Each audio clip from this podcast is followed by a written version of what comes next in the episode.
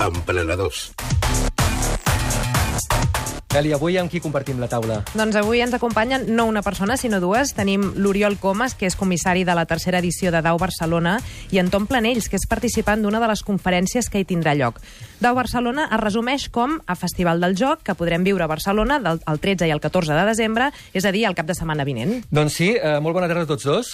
Bona tarda. Hola, bona tarda. Eh, eh, començarà dissabte, però de fet dimarts ja, ja començaran moltes coses. Després parlarem eh, de la conferència de l'Anton, perquè ja comenceu al Palau de la Virreina el dimarts, no? Sí, sí, fem el, el festival és el dissabte 13 i el diumenge 14, però fem dues prèvies. Uh -huh. Una el dimarts 9 amb l'Anton Planells i una altra el divendres 12 que parlarà la Nadine Cel, que és la directora del Festival Internacional de Jocs de Cans. Ah, de Cans. De Cans. A Cans, a més del Ah, Festival de molt bé, Cinema. d'acord. Ara, ara. Hi ha un gran festival de jocs, també. Molt bé, fantàstic. Uh, um, li heu canviat el títol uh, a l'esdeveniment?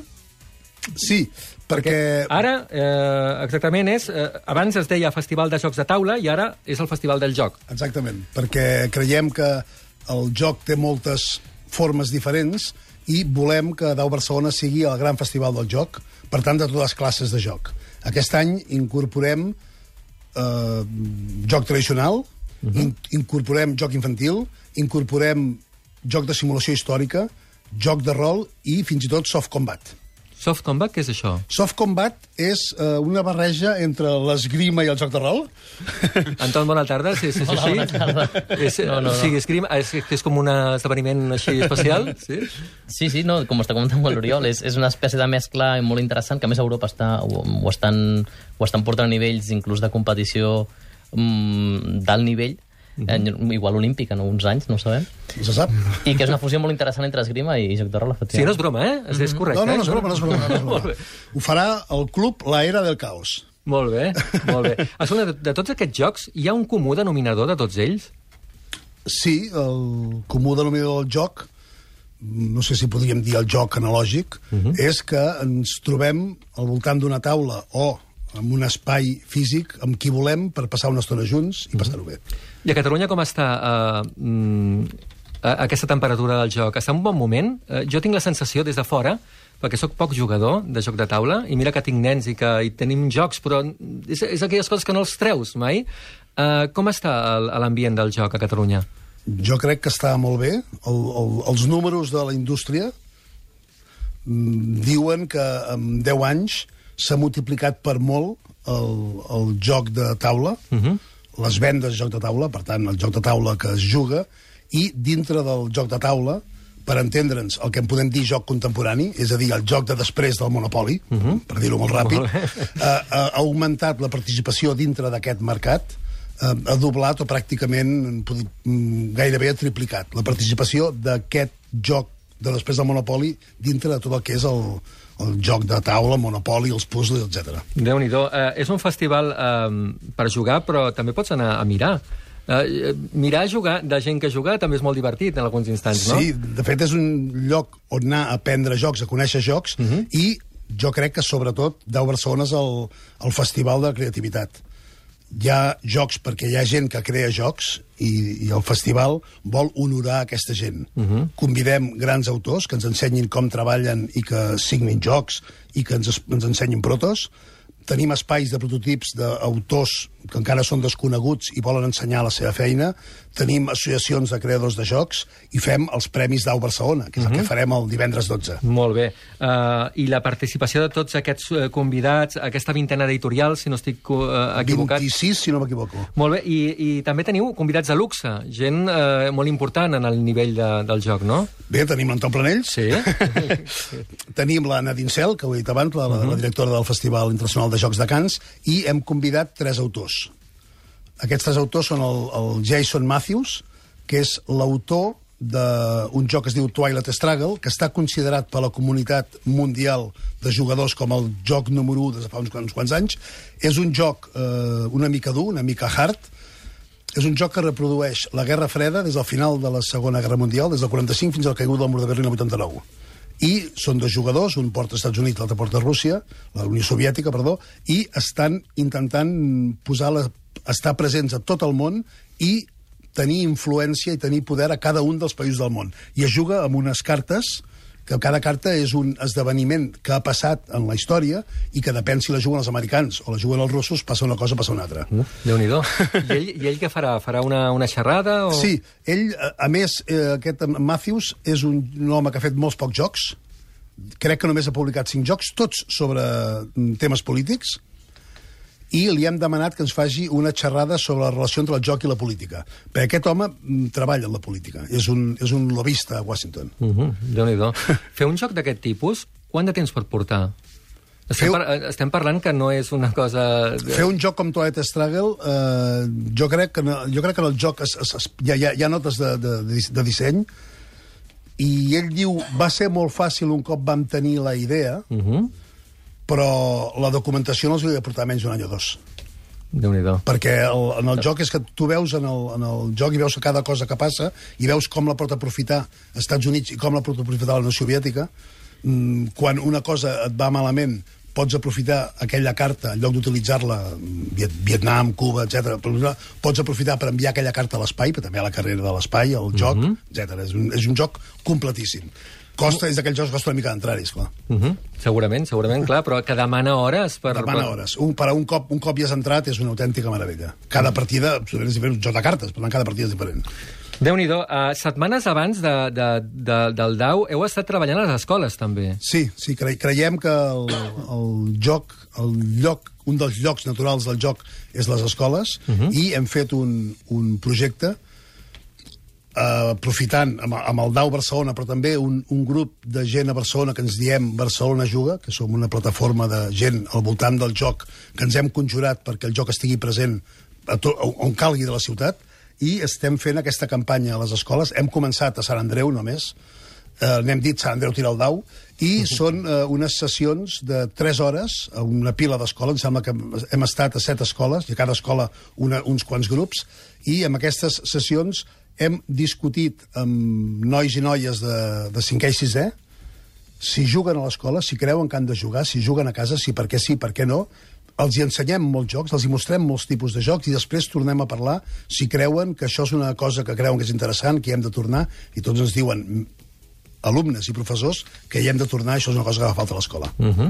uh, imagino que quan vas a, al festival, al DAU, estàs jugant, estàs aprenent, uh, quan marxes, uh, una de les ganes que et pot quedar és comprar uh, alguns dels jocs. Uh, allà ho pots fer? Sí, hem, hem volgut que el festival sigui un festival no una fira, Uh -huh. per tant, no hi ha estants. Bé, el festival són tres edificis sencers del recinte de Fabra i Coats plens de coses, amb campionats, moltes coses, però el, cor del festival, diguéssim, la, és la nau central, la fàbrica de creació de Fabra i Coats, que hi ha 100 taules, a cada taula una persona que t'ensenyarà un joc. Per tant, mm, qui ho vulgui intentar, que no ho intenti. No podrà, en dos dies, de 10 a 8 de la tarda, conèixer 100 jocs diferents. No podrà. Però per tothom que tingui ganes, i aquí només es juga, per tothom que tingui ganes de comprar un joc, a la sortida del festival hi ha una única botiga on hi ha els jocs que hi ha dins. Per tant, qui tingui el coquet, i l'any passat la botiga va anar molt bé, uh -huh. per tant, molta gent... Que això, això de jugar eh, ja, ja passa, que quan ho veus, mm, allò que has vist i que t'ha agradat, ho vols tenir. Molt bé. Francesc Xavier Blasco, uh, gran jugador uh, de jocs de taula. Sí, senyor. Uh, què és el Catan? Hombre, mira, és un d'aquests... Uh, un dels que potser va, va popularitzar el tema dels euro, eurojocs, que són una mena de jocs que es juguen de manera, doncs, intenten ser senzilla, amb cartes, amb molta iconografia, i bueno, no sé si estaria d'acord. Són els que porten iconografia? Sí, no? Els que intenten prescindir molt del text? Mm, Sí. Jo, jo diria que són els jocs molt accessibles, que juguen Exacte. molt ràpid, escalables en el nombre de jugadors. I el, el Catan el que és un joc és de, de colonitzar. Es diu, el, es diu els, els colons de Catan, uh -huh. en el que tu has d'intentar doncs, superar els punts que fan els teus adversaris, com enviant els teus colons a establir rutes comercials i fer més ciutats que els altres. I com ho aconsegueixes? Doncs intercanviant recursos amb els altres jugadors. Uh -huh. Doncs l'Anton Planells, eh, aquell dimarts, eh, uh -huh. far, faràs una xerrada que eh, una part del títol és de Super Mario Catan. Super Mario Catan, uh -huh. de fet, eh, llegir-lo tot, és la resistència de les habilitats analògiques del joc de taula en els videojocs. Uh -huh, correcte. Uh, la idea d'aquesta conferència, com va, em va convidar uh, l'Oriol a, a parlar en el DAU, és connectar un, dos dimensions diferents del fenomen lúdic, que és el joc analògic, uh -huh. dit així una miqueta estrany, no? el joc modern, que és molt contemporani, amb el videojoc, que és una dimensió que comparteix moltes coses, evidentment, amb el joc de taula, i amb el joc de rol i amb els wargames, però eh, és veritat que en el moment en què mediatitzem l'experiència a través d'un ordinador o una consola, entrem en unes dimensions diferents de, tant a nivell industrial, a nivell de valors, uh -huh. i a nivell educatiu, que també hi ha una experiència que explicaré en el seu moment interessant, que hem fet jo com a professor universitat, a la meva universitat, que és utilitzar jocs de taula amb estudiants que seran futurs dissenyadors de videojocs uh -huh. per veure fins a quin punt eh, una persona que dissenyarà un videojoc pot fer ús o pot aprendre de jocs de taula i, i jocs de rol per fer videojocs. Si realment aquest, eh, aquest, aquesta connexió analògica aporta alguna diferència o no al camp del, de, del disseny de videojocs. Uh -huh. uh, Gina Tos, bona tarda. Bona tarda, Albert. De fet, uh, tu ets professora uh, de, de temes de videojocs i s'està utilitzant el que diu l'Anton, de, de, el fet de les estructures de joc uh, de taula per després utilitzar-les per fer un videojoc. Sí, evidentment, les assignatures de game design, que se'n diu que és el disseny de videojocs, sí que utilitza moltes coses que ja s'apliquen en el joc de taula. Al final, el videojoc no deixa de ser un joc amb un format vídeo electrònic on la interacció és una mica diferent, però, però al final és això, és jugar, és sorprendre, és, i és on el, en la sorpresa on està aquesta diversió. Uh -huh. Abans eh, que deies eh, jocs analògics, jocs digitals, al final mm, pot estar tot junt, no? Estarà tot junt, Oi segur. que sí? Segur que estarà tot junt.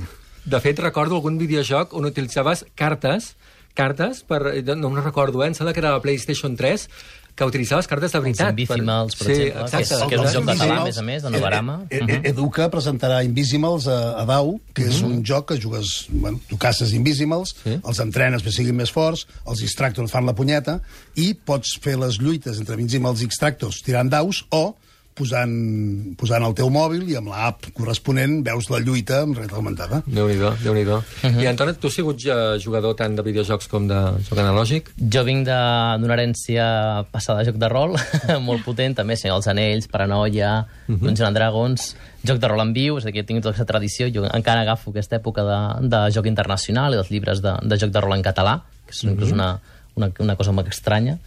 Um, I després, evidentment, tot el tema videojocs. De fet, jo em vaig formar a nivell de postdoctorat i, bueno, de, postdoc sí, de, de tesi doctoral en videojocs i la idea era, que és, ha estat sempre intentar conciliar dos mons que són dos mons que fins fa poc eren dos mons molt específics, inclús molt tancats. Sí.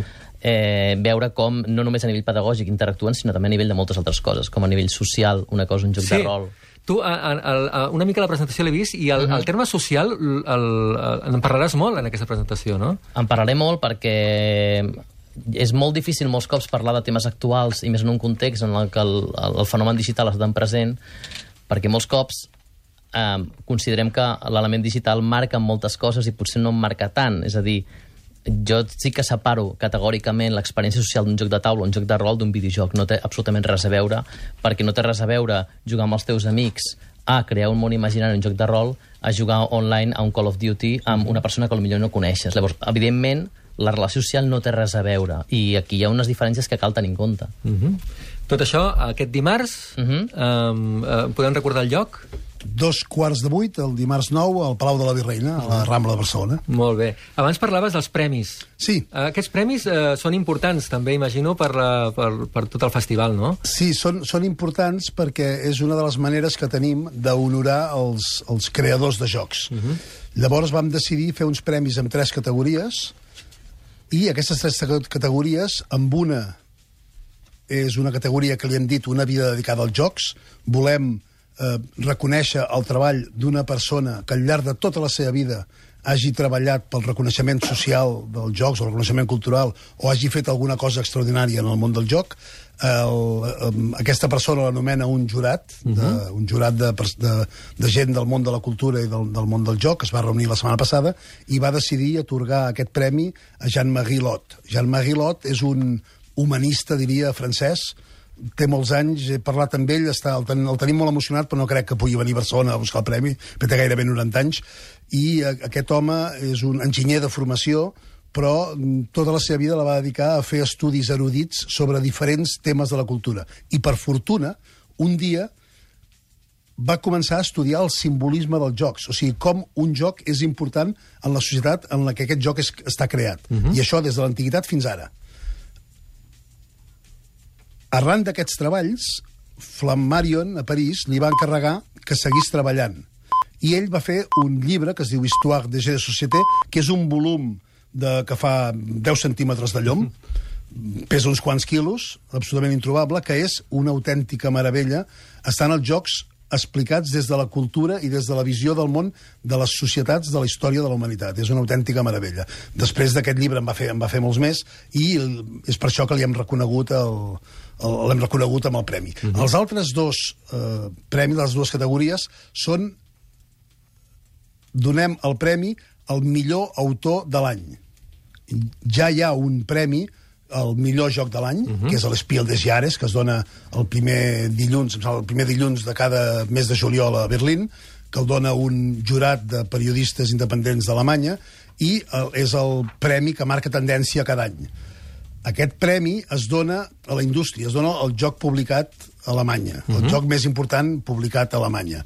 Qui rep el premi és l'editor, l'autor també, però sobretot l'editor. Nosaltres volem premiar eh? l'autor. Bé. Per tant, demanem als autors que han publicat durant l'any, a través, ens hem associat amb un portal nord-americà, Board Game Geek, que és el portal de referència a tot el món amb jocs de taula, i el, a partir de la base de dades d'aquest portal demanem a tots els autors que han publicat durant l'any que es votin a ells mateixos. Ah, amb un sistema que fan a l'Ajuntament de Barcelona, un sistema securitzat de vot per internet, amb una sèrie de tokens, una cosa complicada però que funciona molt bé, i es voten a ells mateixos, amb dues rondes. Ara estem a la segona ronda, per tant, no sabem encara qui guanyarà, però ells mateixos es voten a ells mateixos, a la primera ronda tothom vota tothom, vota a tothom i a la segona ronda només els que tenen més vots.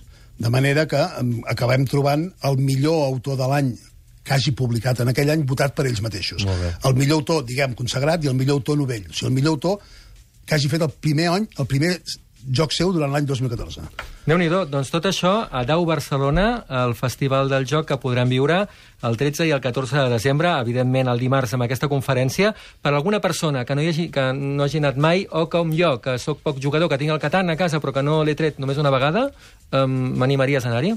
És que si vas, com que allà jugaràs al Catan i jugaràs que, no, que semblar, et semblarà que no hi jugues perquè algú te l'explicarà sí. i et trobaràs que hi jugues, en acabar diràs aquell que tinc a casa li ha la pols. Perfecte. Doncs hi anirem. Uh, moltíssima sort i moltes gràcies. A vosaltres. Nosaltres, eh, una eh, de les coses que volíem comentar, i de fet amb el Roger, eh, l'Albert Garcia ha comentat els 20 anys de la PlayStation 1.